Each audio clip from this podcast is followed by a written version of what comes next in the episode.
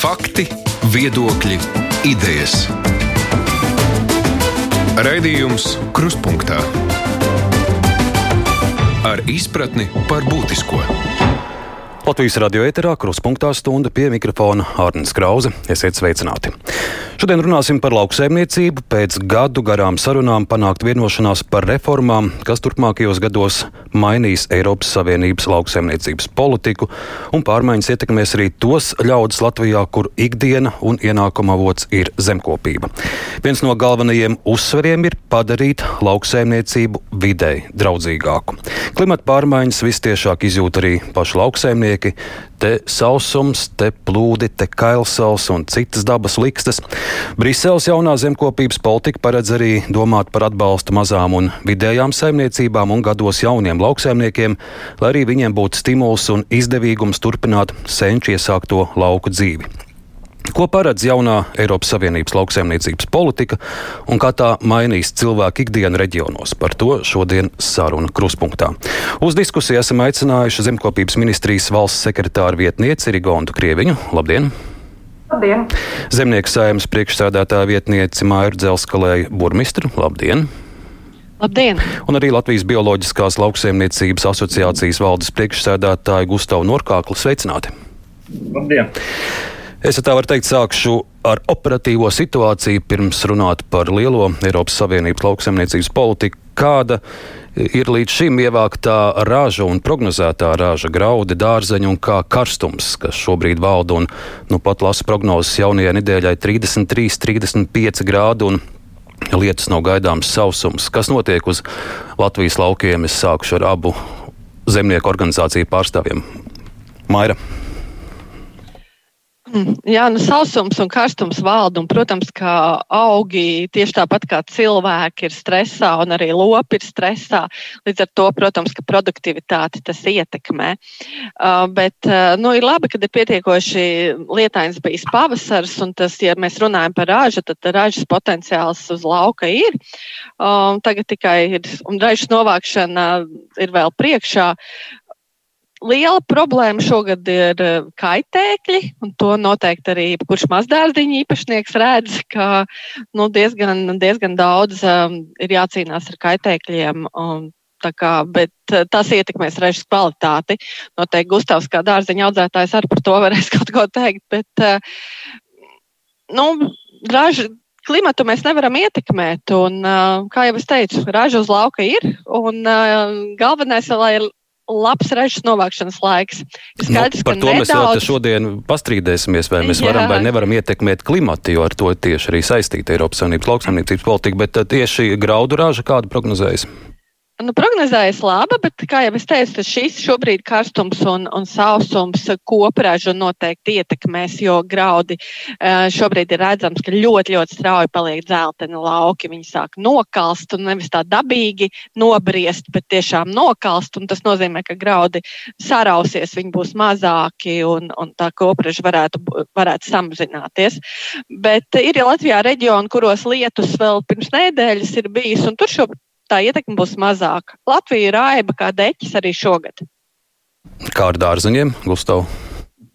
Jā, dārzeņiem. Nu, man pašam, ja es audzēju dārzeņus, protams, laikapstākļi vienmēr ietekmē lauksaimnieku, bet es nesūdzos un nesūdzēšos par to, to ko es nevaru ietekmēt. Un, un kaitēkļi nu, vispār īstenībā nav tā novērot. Arī lauksaimnieki nav teikuši neko par kaitēkļiem, kaitēkļu tādu masveida kaut kādu uzbrukumu. Bet, uh, Kā Maija minēja, laikapstākļi Latvijā ir ļoti dažādi un ļoti raibi. Vienā vietā lietas ir vienā sausums, un uh, tādu kopējo ainu pateikt, ka tur ir labi vai slikti, nevarēs. Ir katrā saimniecībā tā situācija ir dažāda, uh, ko katrs audzē. Uh, citam tas ir ļoti labi, varbūt karstums, citam ir atkal ļoti slikti.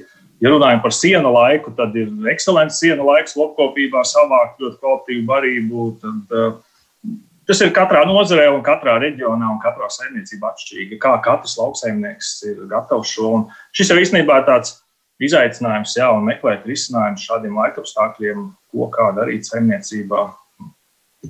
Jūs kolēģi teica, ka klimatu ietekmēt mēs nevaram. Kā jūs to raugaties, varam vai nevaram ietekmēt klimatu? Droši vien jau, ka varam. Droši vien arī daudz pierādījumu ir un pasaulē zinātnieki pētījuši, ka mēs ietekmējam. Droši vien, ka cilvēks ir uz planētas tas, kas visvairāk droši vien ietekmē klimatu ar savu rīcību. Bet nu, jā, mums jāmeklē risinājumi. Es tikai, nu, gribētu, jā. es tikai gribētu piebilst, ka to klimatu mēs varam ietekmēt noteikti visi kopā, ne lauksaimnieki. Mēs esam tikai izvēlu ražotāji, lai patērētājiem būtu ko likt galdā.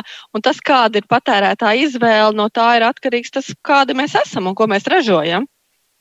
Jā, bet nu ķersimies pie lielās reformas.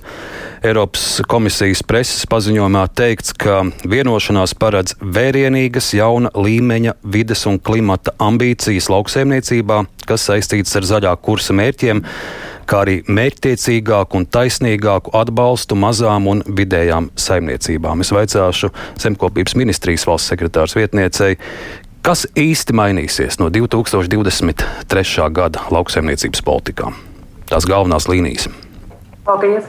Nu, jūs jau, jūs jau divreiz, divreiz galvenās līnijas esat nosaucis, bet es uh, pievienojoties jums teikšu, ka pati galvenā un pirmā līnija ir milzīgs uzsvers uz vidas un klimata pasākumiem, kuri lauksaimniekiem turpmāk būs jāveic. Un atšķirībā no šī perioda ir ļoti konkrēti iezīmēta nauda. Arī pēdējā, pēdējā ministru vienošanās viens no galvenajiem rezultātiem ir ka no lielās tiešmaksājuma naudas katrai valstī no savas tiešmaksājuma naudas ir jāatvēl 25% tieši vidas un klimata pasākumu īstenošanai, vai mēs savā valodā tā saucam par ekoshēmām.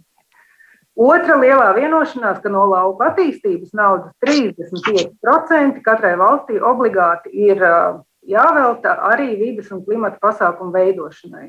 Un mēs Latvijā kopā ar lauksaimniekiem jau divus gadus strādājot un veidojot savu strateģisko plānu, esam vienojušies par 15 dažādiem pasākumiem, kuri, kuri tiks finansēti no šiem lielajiem, lielā finanšu apmēra.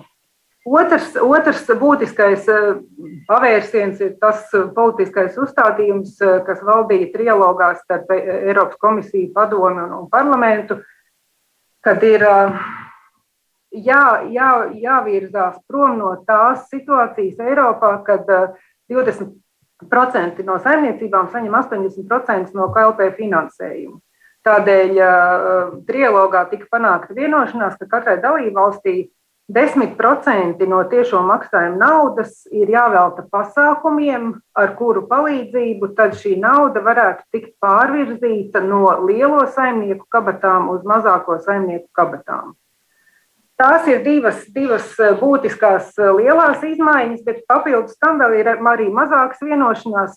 Pēdējā naktī tika panākta vienošanās, ka jauniem lauksaimniekiem no, no KLP budžeta katrai valstī ir jāveltī 3%. Latvijas gadījumā tie būs 54 miljoni, ko mēs dosim jaunai, jauno lauksaimnieku sabiedrībai visdažādākos pasākumos. Gan piemaksāsim papildus likmi par hektāru, gan dosim uh, tādus dāsnus, viegli paņemamus investīciju pasākumus, lai jaunā saimniecība varētu attīstīties un veidoties. Ir arī tādi jaunumi, negaidīti jaunumi. Trialoga rezultātā tika panākta vienošanās, ka sākot nevis tūdaļ ar 23. gadu, bet ar 25. gadu, Visiem lauksaimniekiem, kuri vēlēsies saņemt tiešos maksājumus, viņi tiks pārbaudīti arī, kā viņi ievēro darba tiesības, darba veselības un darba drošības jomas likumdošanu. Eiropā ir uh, trīs lielas direktīvas šajās jomās, un turpmāk, uh, turpmāk lauksaimniekiem pirms saņemt tiešmaksājumus būs uh, tiks veikts pārbaudas viņu saimniecībā, lai viņi akurāti izpild visu šo direktīvu prasības attiecībā uz darba likumdošanu. Un tad vēl tāds nelielāks jaunums, bet arī, arī jaunums, kad uh, visi ministri vienojas par to, ka arī uz lauksaimniecības fondiem, uz lauku fondiem tiks piemērots tāpat kā uz visiem citiem Eiropas fondiem tāds risku izpētes rīks, ar kuru tiks eh, pārbaudīti visi atbalsta saņēmēji, lai, lai novērstu un izsekot jebkādus interešu konfliktus un eh, krāpšanas riskus. Nu, tas ļoti vienkārši, vienkāršā valodā tās ir galvenās galvenās vienošanās un izmaiņas. Un tātad jūs jau minējāt šis punkts par darba tiesību ievērošanu. Tas stāsies spēkā no 25. gada. pārējās izmaiņas, atbalsts jaunajiem lauksaimniekiem un tā tālāk, kad tas notiks? Ar 23. gadu. Tas viss pārējais ar 2023. gadu. Nesen uh, Luksemburgā tikās Eiropas Savienības lauksaimniecības ministri, arī mūsu ministrs Kaspars Gerhards tur bija, un pēc šīs tikšanās viņš teica, citāts ar šo vienošanos tiek iezīmēta jauna pieeja Eiropas lauksaimniecības politikai. Tas nozīmēs reālu lauksaimniecības prakses maiņu, veicinot videi un klimatam draudzīgāku saimniekošanu, apvienojumā ar taisnīgāku maksājumu sadali maziem, vidējiem un jaunajiem lauksaimniekiem. Uh, es uzrunāšu Bioloģisko lauksaimniecības asociāciju. Jūs, uh, nu, tas, ko ministrs saka, izklausās, izklausās ļoti labi, bet jūs teicat, ka Latvijā nav politiskās gribas bioloģiskās nozares attīstībai, un šī izpratne esot ļoti vāja.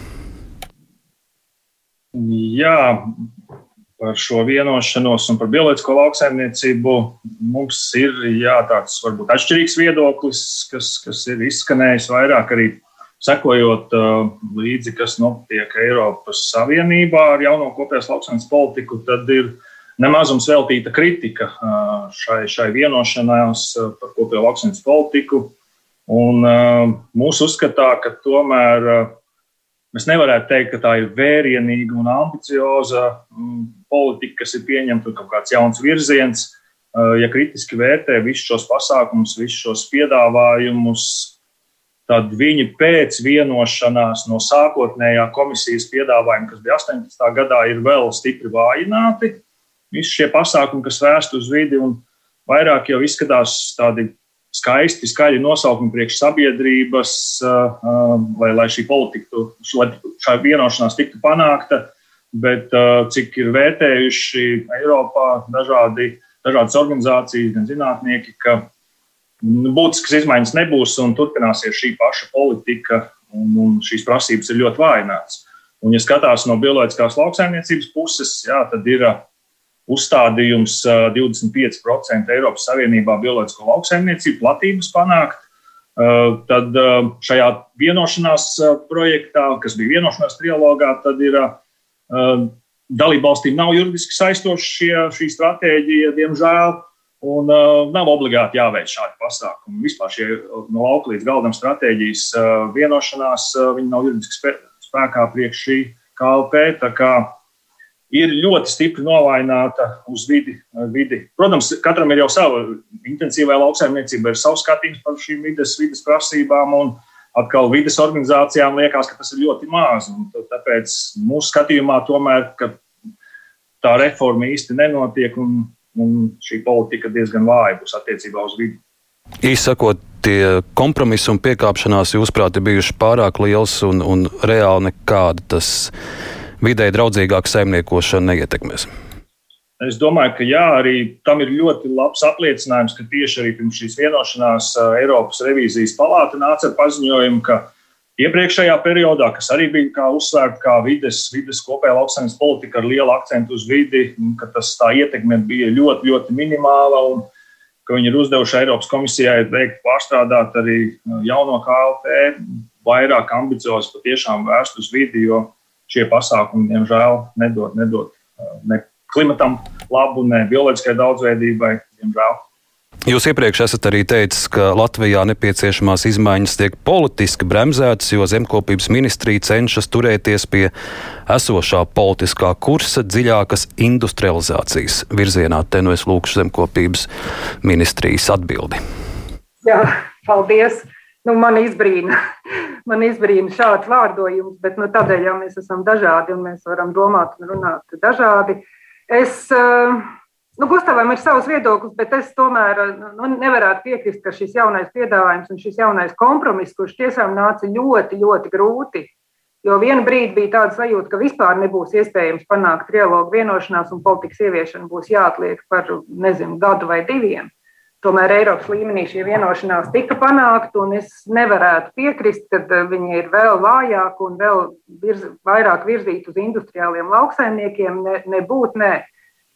Jo, jo arī mēs savos 15 pasākumos veidojam tādus pasākumus, lai lauksaimniekiem būtu jāmaina sava saimniekošanas prakse. Turpmāk lauksaimnieki saimniekos, saņemot atbalstu lai mazinātu gan CO2 emisijas, lai, lai mazinātu amoniaka emisijas, lai uh, Eh, uzlabot ūdens kvalitāti un augsnes kvalitāti. Viss šis ļoti, ļoti daudzveidīgs pasākumu kopums un, un arī ļoti dāsna, dāsna atbalsta daļa mēs esam paredzējuši bioloģiskai lauksaimniecībai, kur Latvija jau ir apņēmusies, ka 27. gadā mēs no šobrīdējiem 14% sasniegsim 20% no, no visas Latvijas lauksaimniecības platības būs bioloģiskā. Un pēc šobrīdējā piedāvājuma, ko mēs eh, kopā ar lauksaimnieku visām organizācijām esam, esam strādājuši, šobrīd aptuveni 45% no visas vides, vides finansējuma tiks paredzēts bioloģiskai lauksaimniecībai. Tā kā es domāju, ka eh, mēs esam, mēs esam uz kompromisu ceļu un mēs tā arī strādāsim, lai, lai visi lauksaimnieki iesaistītos šo vidas mērķu sasniegšanā.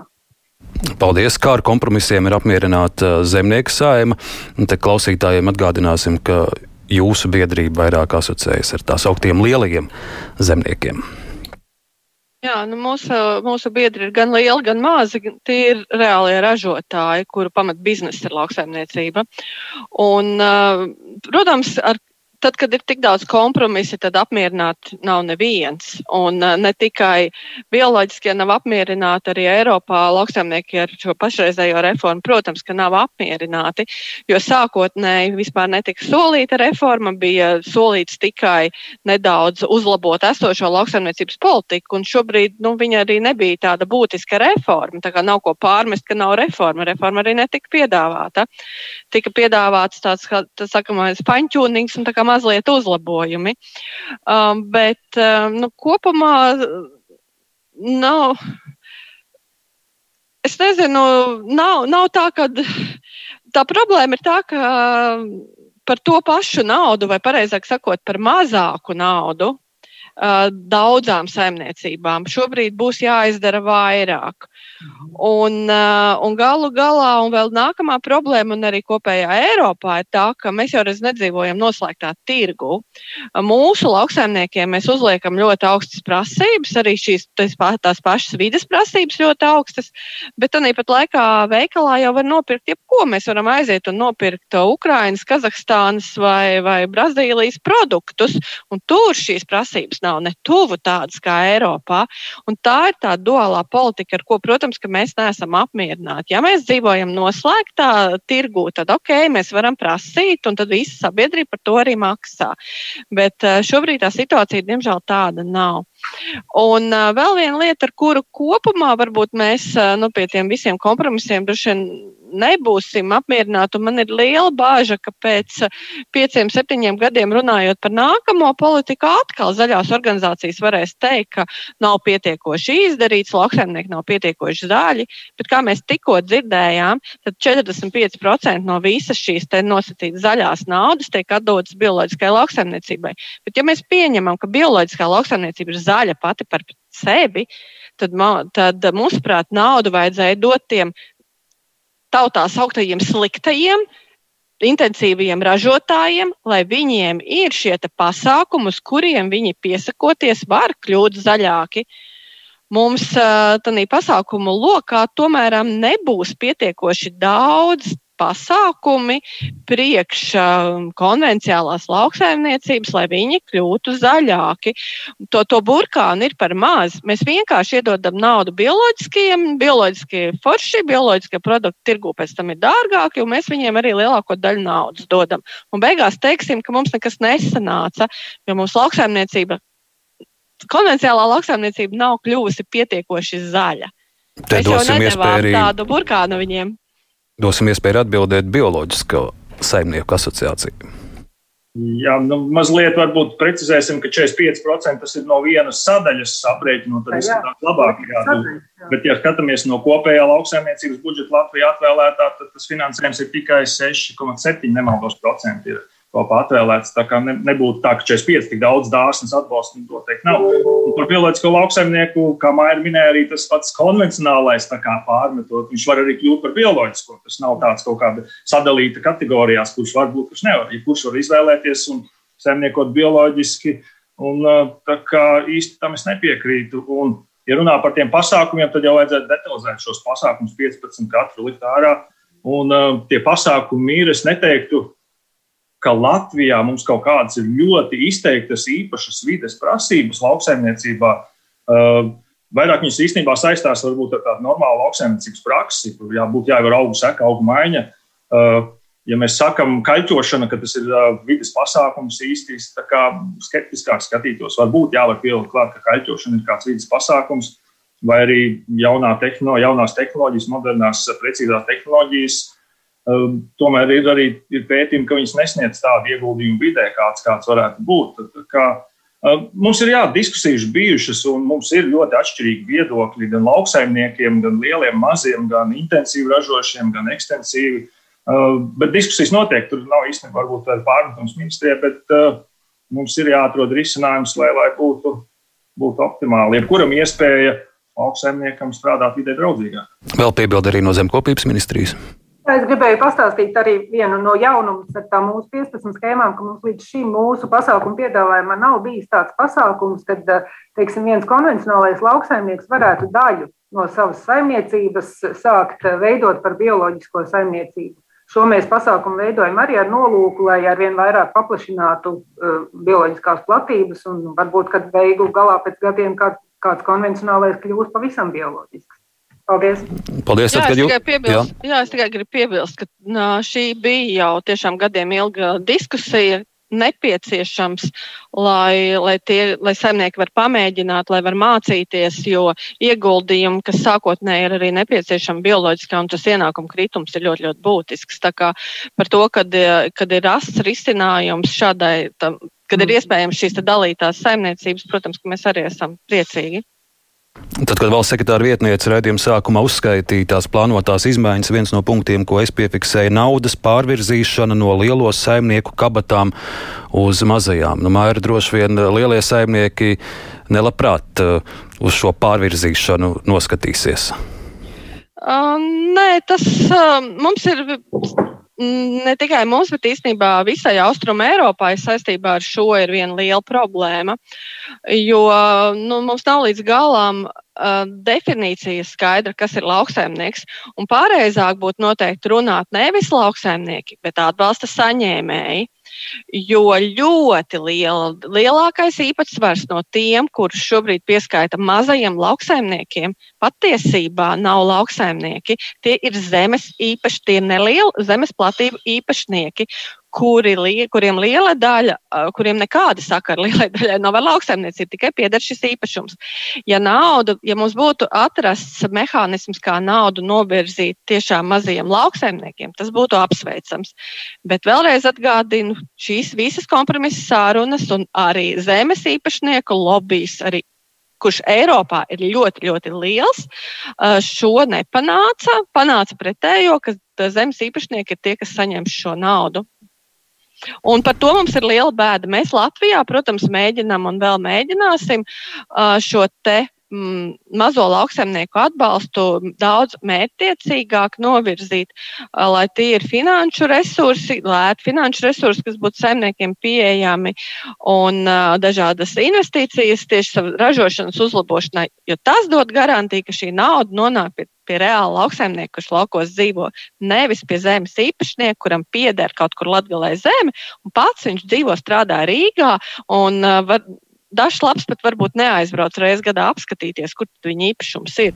Jā, Maira, mēs jau dzirdējām ievadā, kā šīs plānotās izmaiņas ietekmēs, piemēram, bioloģiskos saimniekus, kā viņas varētu ietekmēt. Nu, paraudzīsimies, saprot, jums arī ir sava saimniecība. Kā pēc no 2023. gada, kas mainīsies jūsu saimniecībā, ja šīs visas izmaiņas stāsies spēkā? Uz jūsu piemēru. Jā, uz mūsu piemēru, principā nekas, jo mēs strādājam ar jaunām tehnoloģijām, mēs strādājam maksimāli zaļi jau 11 gadus. Mēs to visu darām, un īstenībā liela daļa, vismaz Latvijas lauksaimnieku, šodien jau strādā ļoti zaļi. Politiķi, kuri nav laukos bijuši, viņiem šķiet, ka mums te viss ir slikti, un, un kāds, te, kāds te piesārņo augstni, un, un, un bet eh, tā nav. Mēs eh, mēģinām, strādājam, eh, ejam, skatāmies, kādas ir jaunākie zinātnes atzinumi, kā mēs varam šos te dārgos ieguldījumus pēc iespējas precīzāk iedot augam vai dzīvniekam, lai gūtu, nu, maksim, lai maksimāli maz nokļūtu pēc tam video, bet viss aizietu tieši ražas iegūšanai. Tā kā mūsu gadījumā praktiski nekā es šobrīd nesaredzu būtiskas izmaiņas. Vienīgā izmaiņa, kas mūs sagaida, un tas sagaida visus Latvijas lauksaimniekus. Un par ko mēs šī reformas kontekstā neesam priecīgi, ir daudz lielāka birokrātija. Jo, lai to visu ieviestu, un vēl tikko Rīgons pieminētājs arī šīs te jaunais, saucamās sociālās, um, sociālais aspekts, kas ir pie kopējās lauksaimniecības politikas, tas tikai nozīmē daudz vairāk atskaites, daudz vairāk kontroles, daudz lielāku, nu tādu gribas teikt, ļoti plānveida ekonomiku. Paliksim vēl pie vidas. Jūs minējāt, ka Latvijas lauksēmnieki vairumā strādā ļoti zaļi. Palūkosimies, ko par to saka statistika. Lauksēmniecība ir trešais lielākais siltumnīca efekta gāzu emisiju sektors, kas rada aptuveni 20% no kopējām Latvijas emisijām. Turklāt lauksēmniecības emisijas turpina palielināties kopš 2005. gada lauksēmniecībā emisiju pieaugums ir par vairāk nekā 22%, un tad arī vēl nesen bija ziņa no Eurostat, kas radīja diezgan lielu rezonanci sociālajos tīklos, ka laika posmā no 2011. līdz 2019. gadam tirgotais pesticīdu apjoms Latvijā ir pieaudzis vairāk nekā uz pusi. Nu, Lūk, jā, nu šeit dati. var Jā, nu tad šeit mēs ļoti labi redzam, kā var datus dažādi izmantot. Un vienmēr, lai mēs varētu saprast, cik mēs esam labi vai slikti, mēs tomēr ar kādu salīdzinamies. Un uh, visus šos datus nosaucot noteikti, lai mēs saprastu, kāda mēs esam Latvijā, tad mums būtu jāsalīdzinās ar to pašu Eiropas vidējo. Ja attiecībā uz atbalstu mēs skatāmies, ka Latvijas lauksaimnieki saņem uh, mazākos tiešmaksājumus Eiropā, tad tieši tāpat arī attiecībā uz to, cik mēs esam zaļi vai ne nezaļi, salīdzinamies ar Eiropu vai ar, vai ar Skandināviju. Un tad mēs izskatīsimies ļoti zaļi, jo attiecībā uz auga aizsardzības līdzekļiem, ja mums vidējais patēriņš uz hektāru ir apmēram 0,7 kg līdz 82 um, tad Eiropā vidēji tas ir virs diviem kilogramiem. Tā kā mēs esam ļoti, ļoti zemu. Tas pats ir attiecībā uz mēslojumu, kur mūsu slāpekļa mēslojums ir uh, līdz 50 kg uz hektāru, pret Eiropas uh, tuvu pie 200. Um, attiecībā, uz, un attiecībā uz CO2 emisijām arī nu, tas tikai norāda to, ka Latvijā ir ļoti maz attīstīta rūpniecība uh, un citas nozares valstis. Mums lauksaimniecībā, ekonomikā tomēr spēlē ļoti lielu lomu, jo reģionos tas ir praktiski ražo, vienīgā ražošana. Tās valstis, kurās ir attīstīta industrija, tajās lauksaimniecības procentas devums ir maziņš. Mums pārējās nozares ir vēl transports un enerģētika, no citas ražošana ļoti maza. Tāpēc arī lauksaimniecība kopējā devumā dod daudz. Gustavs Norkārklis no Bioloģisko lauksaimnieku asociācijas šo visu klausās, un es skatos, ka krata ar galvu kaut kam nepiekrīt. Jā, protams, mēs arī sekojam šai statistikai un par to, ka jā, Latvijā ir lauksaimnieki ar vien vairāk saimnieku zāļu un meklē risinājumus, kā, kā savu saimniekošanu padarīt. Tas ir ļoti apsveicami, bet ir šī sistēma, kas ir ekonomika spiež un ražot intensīvāk, vairāk, apgūt zemes vairāk. Un, tā kā tā intensifikācija notiek lauksaimniecībā, un tas atkal rada, protams, lielāku slogu uz vidi. Un, ja runājam par statistikas datu, šeit mēs varam interpretēt, protams, atkal viens interpretē tā, tā ir jāskatās vidējais rādītājs eh, lauksaimniecības pesticīdu lietošanā, kas patiesībā īstenībā nenorāda to objektīvo situāciju. Ja pie manis, mano lauka apkārtnē, lauksaimnieki nelieto pesticīdus vidēji, tad citā vietā kādi, kāds lauksaimnieks lieto daudzreiz vairāk šos pesticīdus. Un, Un tas kopējais sloks, un ja pesticīdu apjoms pa šiem gadiem ir uh, dubultojies, divreiz vairāk tiek lietot, tad kopējais sloks uz vidi un apdraudējums cilvēku veselībai ir krietni pieaudzis. Un, uh, balstīties uz to, ka mums vidē ir vismazākais, un tāpēc mums nekas nav jādara, tā īsti nebūs korekti. Tomēr ir jāskatās, ka tas pesticīdu daudzums Latvijā ir lielāks, lielāks, lielāks. Šī ir problēma, kas mums ir jārisina, un, un cilvēki nejūtās vairs tik droši. Un, uh, tas pats arī attiecās uz, mēslojumu, un, un tas pats attiecās uz emisijām. Ir droši vien tur var interpretēt un vērtēt. No vienas puses, teiks, jā, mums ir mazākais, bet patīk pastīties tomēr plašāk un ilgtermiņā. Tas tā tendence mums nav tā labākā Latvijā, ja salīdzinām ar citām Eiropas valstīm. Mums ir pieauguši, mēs intensificējamies, citur tomēr ir samazinās tas lietojums. Un, ja skatāmies par emisijām, mēs ļoti daudz runājam par Latvijā, par lopkopības emisijām. Varbūt tas nebūtu tas trakākais, kas mums ir Mums vēl ļoti daudz saglabājušās, kur, kur dzīvniekus un lopus laiž ganībās, kas ir viens no labajiem variantiem uh, emisiju mazināšanai. Kā, uh, bet mums ir jāpievērš vairāk uzmanība arī tomēr ir uh, sintētiskiem minerālu mēslojumiem, kas slāpeklis, kur ir amoniaka emisijas, kas no Eiropas komisijas un Eiropas revīzijas palātas tiek teikts, ka šī ir problēma kas ir jārisina. Tā skaitā Latvijā arī notece minerālu mēslu upēs un Baltijas jūrā. Šīs problēmas mēs nevaram aizst garām. Mums ar šo KLP finansējuma politika ir jārisina. Jā, tik tālu paldies. Es tūlīt došu vārdu arī zemkopības ministrijai komentāram, bet skatos e-pastā Aldis raksta, ja jau lielie zemnieki ir tik zaļi, cik viņi izsakās, tad kāpēc, kad es āru zemi, tad aiz manīm staigā stārķi, kājas un citi putni, lasa kukaiņus, sliekas un citu barību, turpretī blakus ar zemi lielais zemnieks, kurš ir miglojis savus sējumus trīs reizes mēnesī, aiz viņa nelido neviens putns. Tur zeme ir mirusi. Maira. Nu, es neesmu redzējusi tādu saimnieku, kura šie putni aiz ārklu neietu. Um, noteikti viņi ir un ap tikpat daudz, cik uz citiem laukiem, cik kaimiņam, tik, tik arī mums. Um, tā kā tur lai aiziet un apskatās, var uzkāpt uz jebkura lauka, pilns ar sliekām un kukaiņiem. Um, kā, bet uh, tas, ko es gribēju vēl piebilst par šo Gustava tikko teikto, um, mums uh, ļoti svarīgi tomēr analizēt un redzēt, kur mēs esam Latvijā un nepavilkties uz šiem te Eiropas uh, it kā uh, šiem te vispārējiem teikumiem un mazliet uh, domāt līdzi un saprast, kā sevi aizstāvēt. Attiecībā uz šiem minerālmēsliem un uz uh, lopkopību Latvijā ir viszemākais lopkopības īpatsvars Eiropā. Un uh, tieši tāpēc mēs lietojam minerālmēslus, jo mums nav šo kūtsmēslu. Kopš mēs iestājāmies Eiropas Savienībā, visās šajās jaunajās valstīs ļoti strauji nokrita lopkopības īpatsvars, samazinājās lopkopība. Tā ir mūsu problēma. Mēs, diemžēl, šo tirgu vairs nespējam, nespējam atgūt. Un, un tagad pateikt, ka samaziniet vēl minerālu mēslus, to tā, to tā nevarētu darīt. Vēl arī pavisam īsi viens klausītāja jautājums, kurš no jums tad var atbildēt. Ziniet, kāda ir vislielākā atgādnība?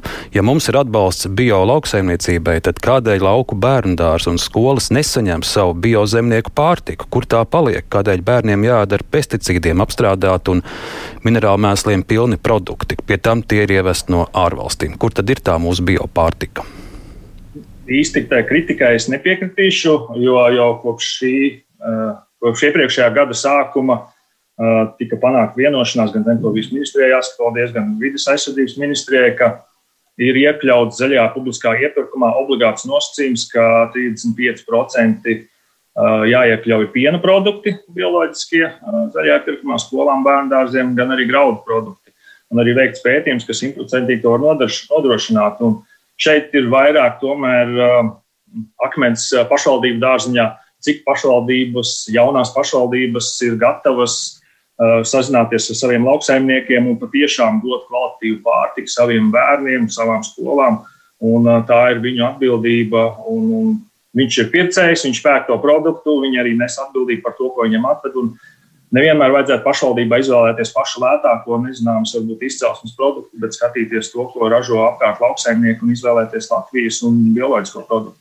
Tā kā virzība šajā pusē Mēs šodien daudz runājam par vidi un klimatu, bet tas, kas no šīm reformām redzams, ka ir doma arī par atbalstu jauniem lauksaimniekiem. Kas īsti e, ir saprotams ar vārdu jaunie lauksaimnieki? Kāda ir tā vecuma grupa, vaicāšu zemkopības ministrijai? Jaunie lauksaimnieki visā Eiropā ir vienādi. Tie ir visi saimnieki, kam vēl nav 40 gadi. Ar 41 tie vairs nav jaunie lauksaimnieki. Lūk, tā. Bet par, par jauniem lauksaimniekiem, nu, tas, ko es šovasarī braucot, piemēram, zemgalē, redzu, un, protams, lauki ļoti daudz ir apsēti, un, ja tas jaunais tur grib kaut ko darīt, faktiski tās zemes cenas ir ļoti augstas. Un otra lieta, ko es redzu, un man liekas, tas pat dažreiz ir tāds bēdīgs skats, ka viensētas, kas agrāk ir bijušas, un kur jaunā ģimene varētu saimniekot eh, šajos laukos, ir apārtas tā, ka līdz pat durvju priekšai pat piebraucamais ceļš vairs nav. Tur mājas ir, bet viss apkārt ir viena liela, liela rapšu lauki. Kur tad, tā, kur tad tiem jaunajiem, piemēram, zemgalē, sākt saimniekot Maira? Arī zemgalē ir vietas, kur sākt saimniekot. Protams, ka mēs esam Latvijā nonākuši pie situācijas, pie kuras Rietuma Eiropa varbūt jau 20, 30 gadus ir, kad visa lauksaimniecības zeme ir lauksaimnieciskajā ražošanā. Nav brīvas zemes, kādas desmit gadus Latvijā ir bijušas, kur varēja sākt uz, uz brīvas zemes saimniekot un uz zemes ar ļoti zemu vērtību. Latvijā zemes cenas ir pieaugušas un, lai sāktu saimniekot, ieguldījumi sākotnēji ir vajadzīgi ļoti lieli. Uh, protams, ar šiem te Eiropas fondiem un programmām to problēmu tiek mēģināts risināt, tie ir tie instrumenti, bet uh, viegli nav. Un, protams, ka tajos reģionos, kur zeme ir dārgāka, kā jūs pieminētajā zemgalē, uzsākt saimniekot būs daudz grūtāk nekā reģionā ar lētāku zemi. Un par tām viensētām piebilstot, tās ir viensētas, kuras jau ļoti ilgstoši nav bijušas izmantotas, kuras nu, šobrīd, ap kurām, kā jūs teicāt, pat ceļi ir uzārti.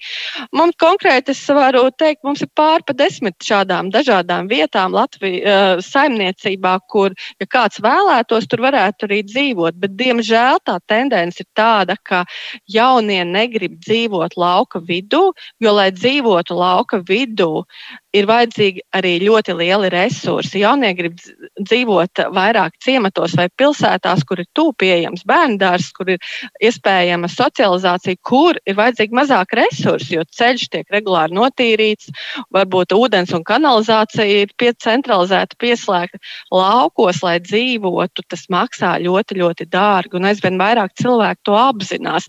Laukos var dzīvot turīgi cilvēki, un ja kādreiz mēs tā skatījāmies uz ārzemēm, kur tur, turīgi cilvēki dzīvo laukos, arī Latvijā tā situācija pamazām tāda veidojās, ka dzīve laukos ir dārga un tāpēc cilvēki iet projām. Bet ne tikai, vairāk tā ir tieši šī te, socializācija, tas, ka cilvēki grib būt tuvu veikalam, teātrim, kino, bērndārzam, skolai, slimnīcai. Nu, Gustav vēl īsi varētu domāt, ka tieši jaunajiem cilvēkiem būtu interese ar bioloģisko lauksēmniecību sākt nodarboties. Tā ir.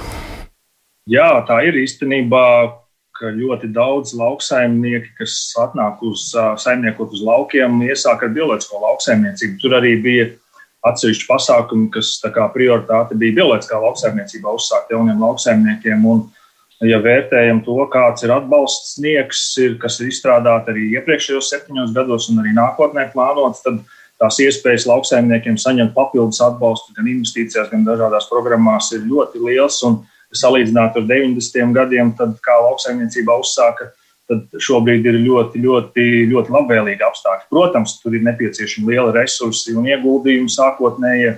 Bet var sākt ar mazumu, ko iepriekš minējām par zaļo iepirkumu skolām. Tad jāsāk varbūt audzēt nelielās platībās dārziņus, tad nav vajadzīgi simtiem hektāru Un šīs ir tās nozares, kur var atrast ļoti interesants nišas produktus un laukos. Bet ir tā pieredze, to, ka ir mhm. ļoti daudz jaunu lauksaimnieku atgriežas un tieši bioloģiskā lauka. Paldies! Nu, mēs no abām lauksaimnieku organizācijām dzirdējām gan plusus, gan mīnusus šai reformai.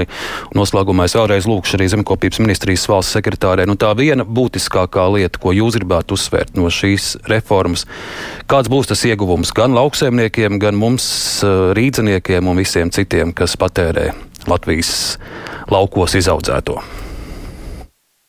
Jā, paldies. Nu, viennozīmīgi es um, gribētu teikt, ka uh, svarīgā lieta ir, ka viskopumā reformas rezultātā mūsu Latvijas lauksaimniecība saglabāsies. Latvijas lauksaimnieki paliks šeit uz vietas, turpinās ražot mums pārtiku un arī, arī eksportam. Un, un viennozīmīgi, lai kādi būtu viedokļi, viennozīmīgi visi lauksaimnieki būs spiesti mainīt savu domāšanu.